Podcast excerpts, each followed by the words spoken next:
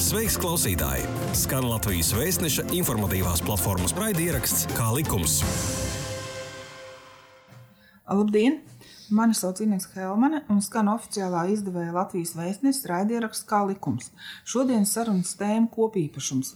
Uz to esmu aicinājusi vērināt advokātu Artūru Lielgalvi. Labdien! Labdien! Tātad, kā, ko definē ar vārdu kopīpašums? Kas ir kopīpašums? Kopīpašumu definē civil likuma 1077. pants, bet pēc būtības faktiski tas e, nozīmē to, ka vairākām personām pieder e, viens īpašums, un attiecīgi viņš ir kopīgā lietošanā. Tas var būt divas personas, tas var būt desmit, tas var būt vairākas personas. Kā piemēram, var pieminēt kādu privātu māju, kas ir sadalīta, kādu viņu māju, kā diviem īpašniekiem. Jā, un tajā pašā laikā var būt arī e, daudz dzīvokļu nams, kuri ir 50 vai vairāk dzīvokļi, kas nav sadalīti dzīvokļu īpašumos. Tad-. Nu, Tad, kas vispār var būt kopīpašumā? Tad divu māja, daudz dzīvokļu māja, vēl kaut kas. Zeme arī var būt kopīpašumā. Jā. Un kā tos gadījumos izveidojas kopīpašums? Kopīpašumu var iegūt no mantojumā, kad e, kad kļūst par līdzīpašnieku kādam īpašumam. Arī varētu būt, kad laulības šķirot, kad tiek dalīts īpašums, un var arī būt, kad vairākas personas, divas vai vairākas, iegādājas vienu īpašumu un e, e, kopīgi tālāk teiksim, viņu lieto, izmanto. Vai arī e, dzīvokļos nesadalītas mājas, kas ir raksturīgi bieži vien. Tas ir Rīgā, kur ir teiksim, vecā pilsēta, kur uh, ir māja ar vairākiem teiksim, dzīvokļiem, bet viņš nav dzīvokļu īpašumu sadalīts. Tur faktiski tiek noteikts lietošanas kārtībā, nodotas telpas lietošanai, jā, un arī tādi gadījumi mēs būtu.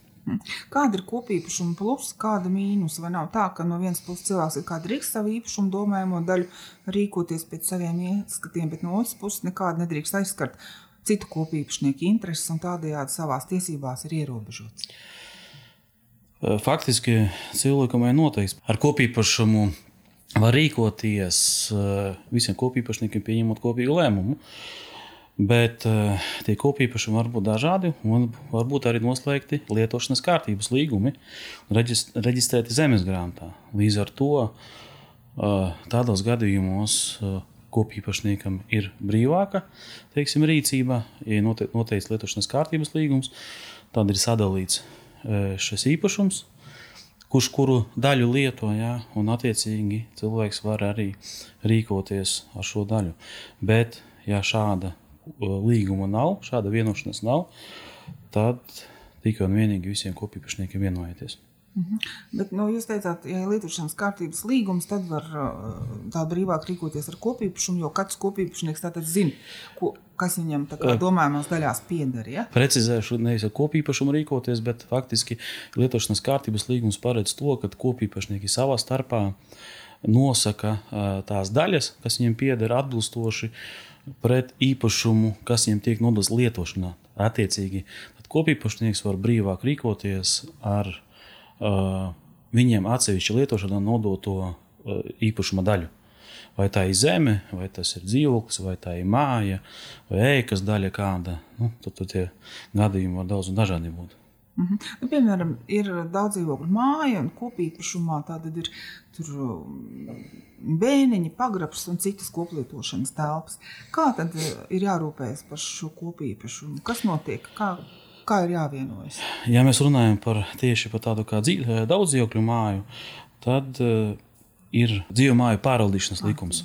Un viņš gan izstrādāts, ir pamatojoties uz dzīvokļu īpašumu likumu, vairāk nu, neizstrādāts, bet saistoši. Jā, bet tur arī atrunāts ar to, ka uh, daudz dzīvokļu mājas, kas, ir, eh, kas nav sadalītas dzīvokļu īpašumu likumos, attiecīgos jautājumus, kas, kas ir par mājas pārvaldīšanu, uzturēšanu, ir piemērojami eh, atbilstoši dzīvu, māju pārvaldīšanas likumam. Nu, Bet kāda ir galvenā klupšanas akmeņa, piemēram, rūpējoties par tādu kopīpašumu daudz dzīvokļu mājā? Vai ir tik vienkārši, piemēram, vienoties par kopīpašumu uzturēšanu? Daudz dzīvokļu mājā, kā jau minēju, ir dzīvo, dzīvo māju pārvaldīšanas likums. To piemērojot, faktiski pārvaldīšanu var noteikti, jo likumā ir noteiktas uh, darbības, kas ir nepieciešamas veikt. īpašniekam, kas ir saistītas ar mājas uzturēšanu.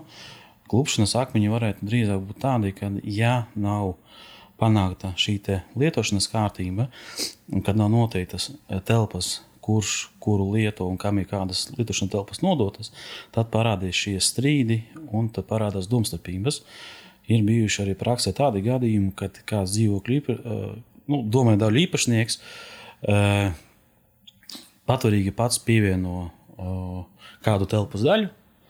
Un, attiecīgi, pēc tam mainoties īpašniekam, jā, un tas jaunais īpašnieks pēc tam uzzina, ka viņiem it kā dzīvoklis sastāv no piecām telpām, bet izrādās viena telpa mazāk, jo tas ir patvarīgi pievienots. Tādi bijuši gadījumi, kas ir bijuši arī, kad toltas pievieno no kāpņu telpas klāti, pievieno arī uh, vēl kādas platības klāt. Tas nav atrunāts, par to nav bijušas izmaiņas, un cilvēks paturīgi to iepriekš ir pievienojis. Latvijas vēstures portālam arī bieži nāk tādi jautājumi. Piemēram, dzīvo daudz dzīvokļu namā, ir koplietošanas telpas, un piemēram, viena telpa vēlas savā lietošanā. Nu, piemēram, tā ir telpa aiz koridorā, aiz ieejas durvīm, vai, vai tas ir bērniņa telpa, ko grib izmantot. Kā tas juridiski notiek, vai ir iespējams? Vienoties starp uh, dzīvokļu īpašniekiem, lai kādu konkrētu telpu nodotu viena dzīvokļa īpašnieka lietošanā. Ja mēs runājam tieši kā dzīvokļu īpašumu, bet tas gan nebūs īsti kopīpašums, kā tāds izpratnē, bet uh, par daudz dzīvokļu namu, kas ir sadalīts dzīvokļu īpašumos, un tam par tai, tam namam par uh, kopietošanas telpām. Tad dzīvokļu īpašumu likums 16. pāns un 17. pāns pārēdz, ka dzīvokļu īpašnieki ir tiesīgi pieņemt lēmumu par atsevišķu telpu, koplietošanas telpu nodošanu lietošanai. Un, attiecīgi, nobalsojot sapulcē, vai arī jā, pieņemot likuma noteiktajā kārtībā lēmumu, attiecīgi šīs telpas var tikt nodotas personai atsevišķā lietošanā. Jūs teicāt, ka tas īsti nebūs tāda papildus stāva nodošana, koplietošanas stāva nodošana nebūs īsti kopīpašums. Bet tāpat laikā dzīvokļu īpašuma likumā ir tā teikt, ka viņiem pieder kopī, lietu kopība sastāv no atsevišķa īpašuma un attiecīgās kopīpašuma domājamās daļas. Kāda tur ir starpība tajā juridiskām niansēm? Ir tā, ka uh, kopīpašums kā tāds, kā es minēju, faktiski regulē civillikums. Uh, un ir atšķirība daudz dzīvokļu namiem, kur nama īpašums ir sadalīts dzīvokļu īpašumos, tad tur ļoti precīzi dzīvokļu īpašumu likumā jau noteikts, ir, kas ir kopīpašums starp dzīvokļu īpašumiem un kas ir atsevišķs dzīvoklis, kas ir atsevišķs dzīvokļu īpašnieka īpašums. Savukārt, jā, minētais likums pareizi, tas ir tieši par dzīvokļu īpašumiem, jā, savukārt kop, kopīpašums vai kopīpašnieki plašākā nozīmē, tas ir civilikumā noteikts un uh, tur ir savs regulējums. Līdz ar to tā ir atšķirība mm -hmm. gan īpašuma teiksim, sastāvā vai, vai arī likuma regulējumā. Un, ja ir māja, kas nav sadalīta dzīvokļos, nu, tas ir viss viens liels kopīpašums. Kā tur notiek apsaimniekšana? Faktiski, Un kā tur notiek tad?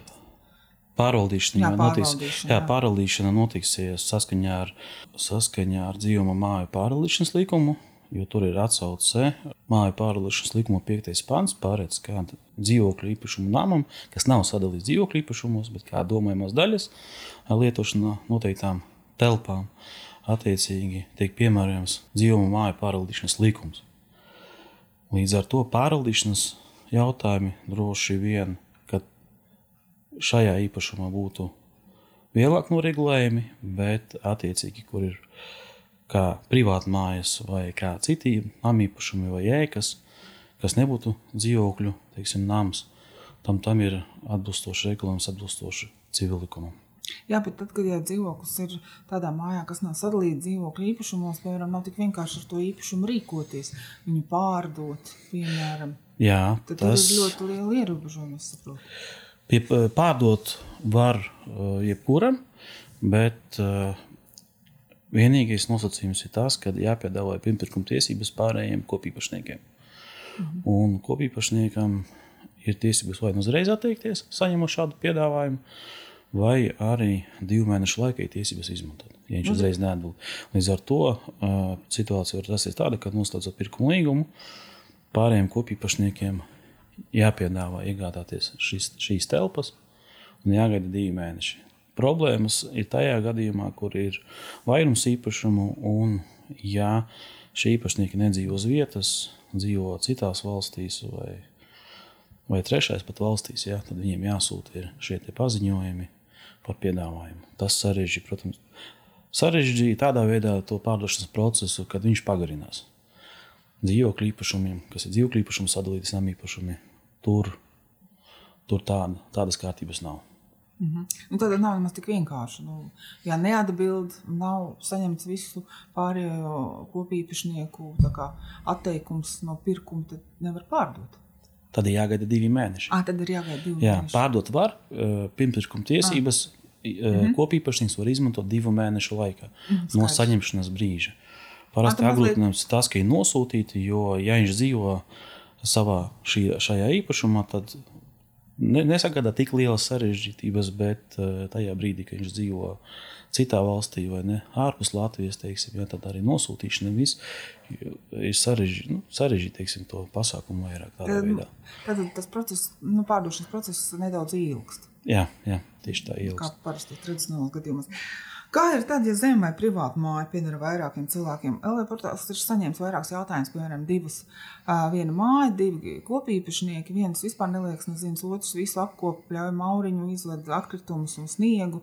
Un, un, protams, ka tas, kas ir tāds rūpīgs saimnieks, viņam neapmierina šī situācija, bet otra, otra, otrs kopīpašnieks nav mieru nepārdot to māju, ne arī, ne arī kaut ko darīt tās labā. Ja. Kādas, kā veidojās šādas situācijas?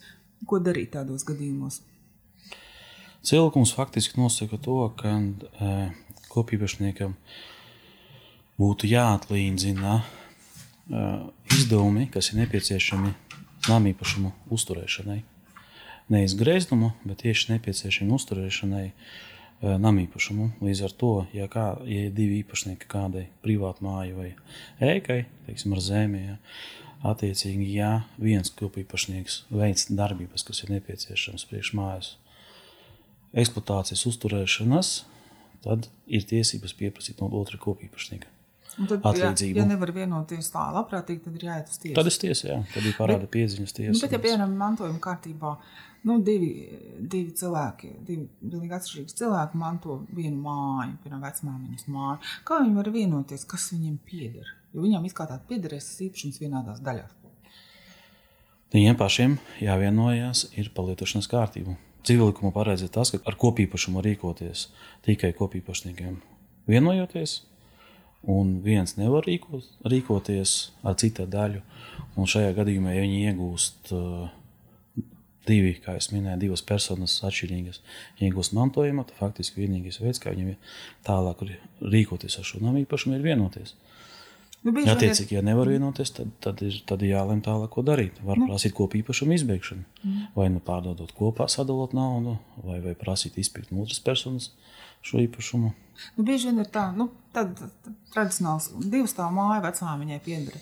Nu, tad viens var pretendēt uz vienu stāvu, otrs var pretendēt uz otru stāvu. Ja uzskata, ka tās ir vienlīdzīgas īpašuma vērtības. Jā, jā, var arī tādā veidā dalīt. Faktiski tā dalīšana biežāk skatās uz to, ka, lai pieminētajā gadījumā, lai abi kopīpašnieki būtu, teiksim, netraucēt viens otru, varētu to īpašumu lietot. Ja viņu var sadalīt pirmais un otrais stāvs atsevišķi, kad ir piekļuves un nepieciešamās telpas, lai viņi varētu lietot tās telpas, tad var arī tādā veidā dalīt, ka pirmais un otrais stāvs atsevišķi. Mm -hmm. Bet nu, var arī un... dalot, dalīt tā, ka nu, telpas sadalot. Jā, bet ja kopīpašnieki nevar vienoties, tad ir atkal uz tiesu. Ja? Jā. Viņi jā. nevar vienoties, vai man pirmais stāvs vai, vai otram pirmais. Tad ir faktiski jā, jāvienojas, ko jāpieņem lēmums, teiktu tā, ka, ko tālāk darīt. Jo likums paredz iespēju mm, par kopīpašumu izbeigšanu. Ja nevar vienoties, ja, ja tālāk nevar sadalīt šo īpašumu, var arī prasīt tiesai, lai izbeidz kopīpašumu. No likuma paredzētajiem iespējām ir īpašumu kopumu pārdodot un sadalot šos, šīs uh, iegūto naudas summu atbilstoši domājumām daļām, lai arī prasītu izpirkt otra kopīpašnieka daļu. Bet tas ir individuāli vērtējums un skatāms. Nu, kāds jums advokāta praksē ir tipiskākās strīdus situācijas kopīpašuma izveidas dēļ un kā tās atrisinās? Tie risinājumi parasti ir diezgan grūti, jo bieži vien parādās kaut kādi principi starp kopīpašniekiem, un tad aiziet līdz, līdz tiesai. Uh, bet starp kopīpašiem, kas man ir bijis praksē, tie, tie pieminētie, ko es iepriekš pieminēju, uh, vecais namīpašumos, kur nav dzīvokļu īpašumi, bet daudz dzīvokļu, tā kā māja. Un uh, ir paturīgi pievienotas telpas klāt. Un tad parasti par šīm telpām arī ir strīds. Viņas atstāt, atļaut, izpirkt tālāk, vai arī atgriezt atpakaļ koplietošanā. Tie ir tie strīdi, kas ir bijuši manā praksē. Mhm. Un, piemēram, ja ir īpašumā, nu, kopīpašumā, nu, piemēram, māja, kā tas viens kopīšnieks, kā viņš drīkst rīkoties, tas kopīšnieks ar savu domājumu daļu, piemēram, viņš var viņu izīrēt, Vai. Ja lietošanas kārtības līgums, tad jā, ja viņam ir atsevišķas telpas, tad viņš var brīvi rīkoties. Viņš viņu var arī izīrēt, nodot trešai personai lietošanā šīs telpas. Bet, ja nav tāds lietošanas kārtības līgums, tad faktiski ar ko kopīpašumu rīkoties tikai vienojoties visiem kopīpašniekiem. Viņš atsevišķi viens pats rīkoties nevar, un attiecīgi viņi var vienoties, ka telpas tiks izīrētas un šo ienākumu dalīt atbilstoši savam domājumam daļām. Kā likums? Kā likums? Jā, tu klausies Latvijas Vēstneša informatīvās platformas raidierakstu Kā likums? Kādos gadījumos izbeidz kopīpašuma attiecības? Kad, ko, nu, kad vienkārši iet uz tiesu vai pārdot? Kādi ir tie gadījumi, kad, kad galīgi nevar vienoties par kopīpašumu apsaimniekošanu? Kad nevar vienoties, jā, tie ir tie vairāk bijuši gadījumi tādi, kad nevis tieši daudz dzīvokļu, teiksim, namos, kur ir kā dzīvokļu nami, bet drīzāk kā privātmājas, un kuru faktiski nav iespējams sadalīt. Jo, ja ir privātmāja, ja viņu var sadalīt atsevišķās teiksim, telpās, un katra var pas, pati pa sevi funkcionēt, tad var prati, prasīt šo dalīšanu, bet, ja nav iespējams, tad ir jāvēršas tiesās ticamāk ar kopīpašumu pārdošanu. Mhm. Bieži vien ir tā, ka kāds no nu, piemēram, divi vai trīs kopīpašnieki, un kāds grib, nu, viens grib atpirkt tās divu citu kopīpašnieku daļas. Tas arī būtu risinājums, lai izbeigtu tādu kopīpašumu formu. Nu, ja tie divi citi piekrīt pārdot. Viņam, piemēram, ir māja, viņi pieder trīs īpašniekiem. Jā. Parasti, piemēram, viens piedāvā tiem diviem pārpirkt. Jā, var arī pārpirkt. Jā, pārpirkt protams. Tad tas kopīpašums vairs nepastāvēs. Tad tam vienam īpašniekam, kas būs viens vienīgs īpašnieks, būs vieglāk rīkoties. Protams, jā, tā ir viņš viens īpašnieks, viņš var rīkoties pēc saviem ieskatiem bez kādiem ierobežojumiem. Jā, jo, protams. manuprāt, tomēr kaut kāds īpašums kopīpašumā tomēr tas ir zināma veida apgrūtinājums. Tu nevari ar viņu brīvi rīkoties. Tev visu laiku ir jārēķinās ar citiem, ir jāvienojas. Tas tomēr ir diezgan būtisks apgrūtinājums. Nav tā? Droši vien atkarīgs no personas un arī no īpašuma, teiksim, īpašuma veida. Nu, ja varbūt cilvēkam kādam apmierina, kad ir, kad divi kopīpašnieki un var pa visu vienoties, tad, tad tas apgrūtinājums nav tik liels. Bet, bet savukārt, ja mēs salīdzinām tādas tīri brīvi rīkoties un darboties, tad, protams, kad kopīpašumā tā būs kaut kādos gadījumos jāsaskaņo ar otru kopīpašnieku vai arī iepriekš atrunātie visi, teiksim, sarežģījumi uz vienošanos par, liet, eh, par noteiktām telpām, kas ko lietos. Vai arī izīrēs, neizīrēs īpašumu, vai ar remontiem, uzturēšanas izdevumiem, tam līdzīgām lietām. Ja ir kopīpašnieki, tad ar to jārēķinās. Ja būs jāvienojas ar otru kopīpašnieku un jāsaskaņo tās visas darbības. Bet kā jūs pats ieteiktu? Jūs ieteiktu pirkt domājamo daļu no kopīpašuma, vai no dzīvokļa, vai no zemes, vai no mājas? Vai tomēr labāk jūs ieteiktu atturēties no kopī, ieiešanas kopīpašumā? Redziet, tie ir diezgan tādi, nu, varbūt dažādi gadījumi. Ja mēs runājam vairāk par dzīvokļu namu, tad es teikšu tā, ka pirms iegādājoties šīs telpas, ko, nu, ko teiksim, nosauks par dzīvokli, ja, bet kas nav kā dzīvokļu īpašums, tad ļoti silti iesaku no sākuma pārliecināties par īpašuma statusu, par dokumentiem, vai esošās telpas atbilst domājumam daļām, vai lietošanas kārtības līgums, jo tas ir diezgan stipri būtiski. Ja, tad, tad, ja šo, šī, no šā aspekta nav sakārtots īpašums, tad es viennozīmīgi neiesaku tālāk iegādāties to īpašumu. Jo šie jautājumi agrāk vai vēl pacelsies, un viņi būs jārisina. Un, attiecīgi, ja ir sakārtoti jautājumi, vienkārši tikai nav dzīvokļu īpašumu sadalījis, tad jau tā pārdalīšana ir likuma noteiktajā kārtībā. Mhm, Tāds, tad, ja iegādājas kopīpašumu domājumās daļas, tad darījuma sekas ir ļoti rūpīgi jāapsver. Ja? Jā, jo man ir bijuši gadījumi dažādi, kā jau minēju, ka tās telpas neatbilst tām, ko sākotnēji ierāda, ja, un kad izveidoti remonti, kas neatbilst telpām. Kā, tad, nu, kad jāsāk saskaņot, būs atbilstoši jāsaskaņo ar visiem kopīpašniekiem kur ir pārbūves bijušas, tur bija bērniņi izbūvēti, bijuši, kur nav bijuši atbilstoši saskaņojumi tam līdzīgām lietām. Tā kā tās sekas var būt diezgan nu, nopietnas un gan juridiski risināmas, gan arī finansiāli sakārtot šo īpašuma statusu. Bet, ja tas ir sakārtots, tad, tad, tad var iegādāties īpašumu. Bet kāda ir jūsu praksa vai pārstrāde gadījuma apsaimniekotu kopīpašumu? Ir sakārtota šie, šīs visas tādas juridiskās lietas, tās lietošanas kārtības līgumi ir noslēgti, ja tomēr cilvēki par to nav domājuši. Nu, manā darbā tas ir specifika, kad uh, specifiski mēs sas, saskaramies vairāk, kad ir problēmas. Jo pie advokāta jau skrien cilvēks, kad jau ir teikt, vai bezizēja, vai grūtības, ko jau pats nevar atrisināt. Tādēļ nu, mēs saskar, saskaramies pamatā ar šīm visām nepilnībām, kas ir radušās jau. Procentuāli tā pētījis, eh, es neesmu nu, pret mm. vispārēju tādu situāciju, kā ir pilsētā Rīgā vai tas ir Latvijā. Grūti pateikt, bet tie, tie, tie, tās situācijas ir bijušas dažādas. Un, nu, jā. Nu, piemēram, tāds e-konsultācija jautājums ar dzīves biedru attiecības nav reģistrētas, nav laulāta. Vēlamies iegādāties nekustamo īpašumu, noformējot to kā kopīpašumu. Tad faktiski nesadalot, kādi ir riski. Riski ir tādi, ka jāsaprot, iegādāties teiksim, e, šo te dzīvokļu īpašumu, būs divām personām piederošs īpašums.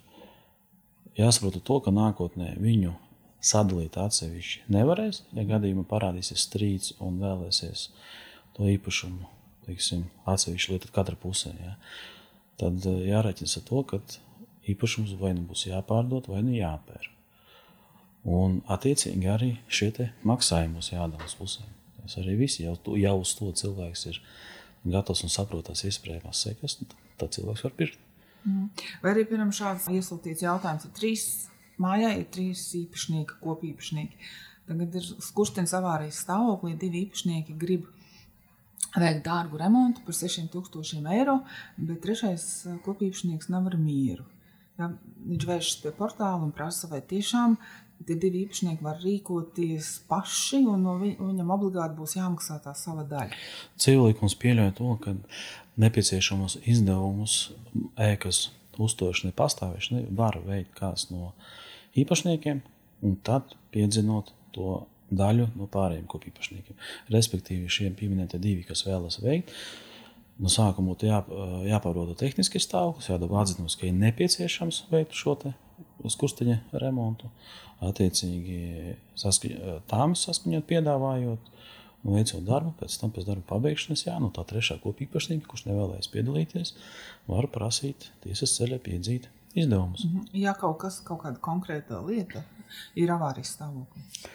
Jā, jā, jābūt ir ja slēdzienam. Nu, Cilvēkums pieļauj šīs nepieciešamās ēkas pēc pastāvēšanas, teiksim, uzturēšanai. Viņš nepieļauj greznumu. Protams, ka, ja vēlaties tikai tāpēc, ka man nepatīk, kā izskatās tas skurstenis, nu tad jā, tad, tad, tad, tad neko. Tad nevarēs piedzīt. Tie tā saucamie greznuma izdevumi, tas ir pēc brīvas gribas. Mm -hmm. Tad ir jāpierāda tā nepieciešamība. Jā, jā tāpēc, tāpēc arī pieminēju, ka jau ir nepieciešams tehniskais atzinums, kur novērtēts stāvoklis. Speciālists pateica, ka ir nepieciešams veikt darbus, lai tālāk funkcionētu. Tad jā, Mm. To var veikt. Vēl viens tā lasītāja jautājums ir nekustamies īpašums. Atkal divi īpašnieki - māja un zeme viens no īpašniekiem nedara pilnīgi neko nekustamā īpašuma labā un nepiekrīt arī to pārdot. Otrs dara visu, nu, maksā par elektrību, nekustamā īpašuma nodokli, apsaimnieko. Jautājums, vai ir iespējams atsemināt otrā īpašnieka daļu nemaksāšanas dēļ? Tieši tādā veidā, ka nemaksā tam dēļ. Nu, Atcēna droši vien, ka nē, bet jā. attiecīgi jā, tie veiktie ieguldījumi, kā jau minēju, nepieciešamie cilvēkam izpratnē, tad, protams, var veikt parāda piedziņu. Bet tāds uzreiz, kad vērsties pret īpašumu, pateikt, ka tu neesi maksājis tam dēļ, pārdot man īpašumu, nu, tāds īsti tā kā likums neparedz tādu kārtību. Nu, visticamāk, cilvēks grib vienoties par to, lai šo īpašumu iegūtu savā, nu, lai tā otra kopīpaši īpašnieka daļa iegūtu savā īpašumā. Nu, tad, tad iemesls varētu būt tas, ka tas vispār neliekas neziņas par savu īpašumu. Cilvēks pieļauj kopīpašumu izbeigšanu, un viens no kopīpašuma izbeigšanas pamatiem bija, kad otram cilvēkam atpērkot, samaksājot uh, viņa kopīpašuma vērtību tādā veidā. Mm. Uh, ja mēs to sarunu nobeidzam, tad tāds rezumējums tomēr kāds varētu būt par kopīpašumu. Vai tomēr būtu ļoti rūpīgi jāpārdomā, lai ietu kopīpašumā, ja tomēr jūsuprāt tas nav nekāds tāds uh, papildus riska darījums? Papildu risks, protams, ka salīdzinot ar to, ka esi viens īpašnieks uh, vai vairāki kopīpašumi, kopīpašnieki, protams, kad ir cilvēkam, kas ies kopīpašumā, jāapzinās šos pienākumus un sekas, kas to var radīt, kad nevarēs pieņemt, pieņemt vienpersoniski kādu lēmumu, kas būs jāsaskaņo iespējams ar pārējiem kopīpašniekiem, tas ir pat uzlabošanas darbiem, par, par uzkopšanas, uzturēšanas darbiem. Un, ja mēs runājam par kaut kādiem dzīvokļu īpašumiem, kas varbūt līdz galam nav sakārtoti, tad arī tas ir jāņem vērā, kas var rasties, iegūstot kopīpašumu un nepieciešamās teiksim, tavas darbības, lai sakārtotu to. Ja cilvēks ir gatavs uzņemties šos, šīs darbības, viņš saprot, ko tas nozīmē, tad, tad, tad droši vien var to darīt. Paldies par sarunu. Studijā bija Zvaigznes advokāts Artūrs Lielgāls. Jūs klausījāties raidierakstu kā likums. Šī bija iknedēļas pusstunda kopā ar oficiālā izdevēja Latvijas vēstneses informatīvās platformas raidierakstu Kā likums. Pastāsti citiem, ja bija noderīgi un interesanti.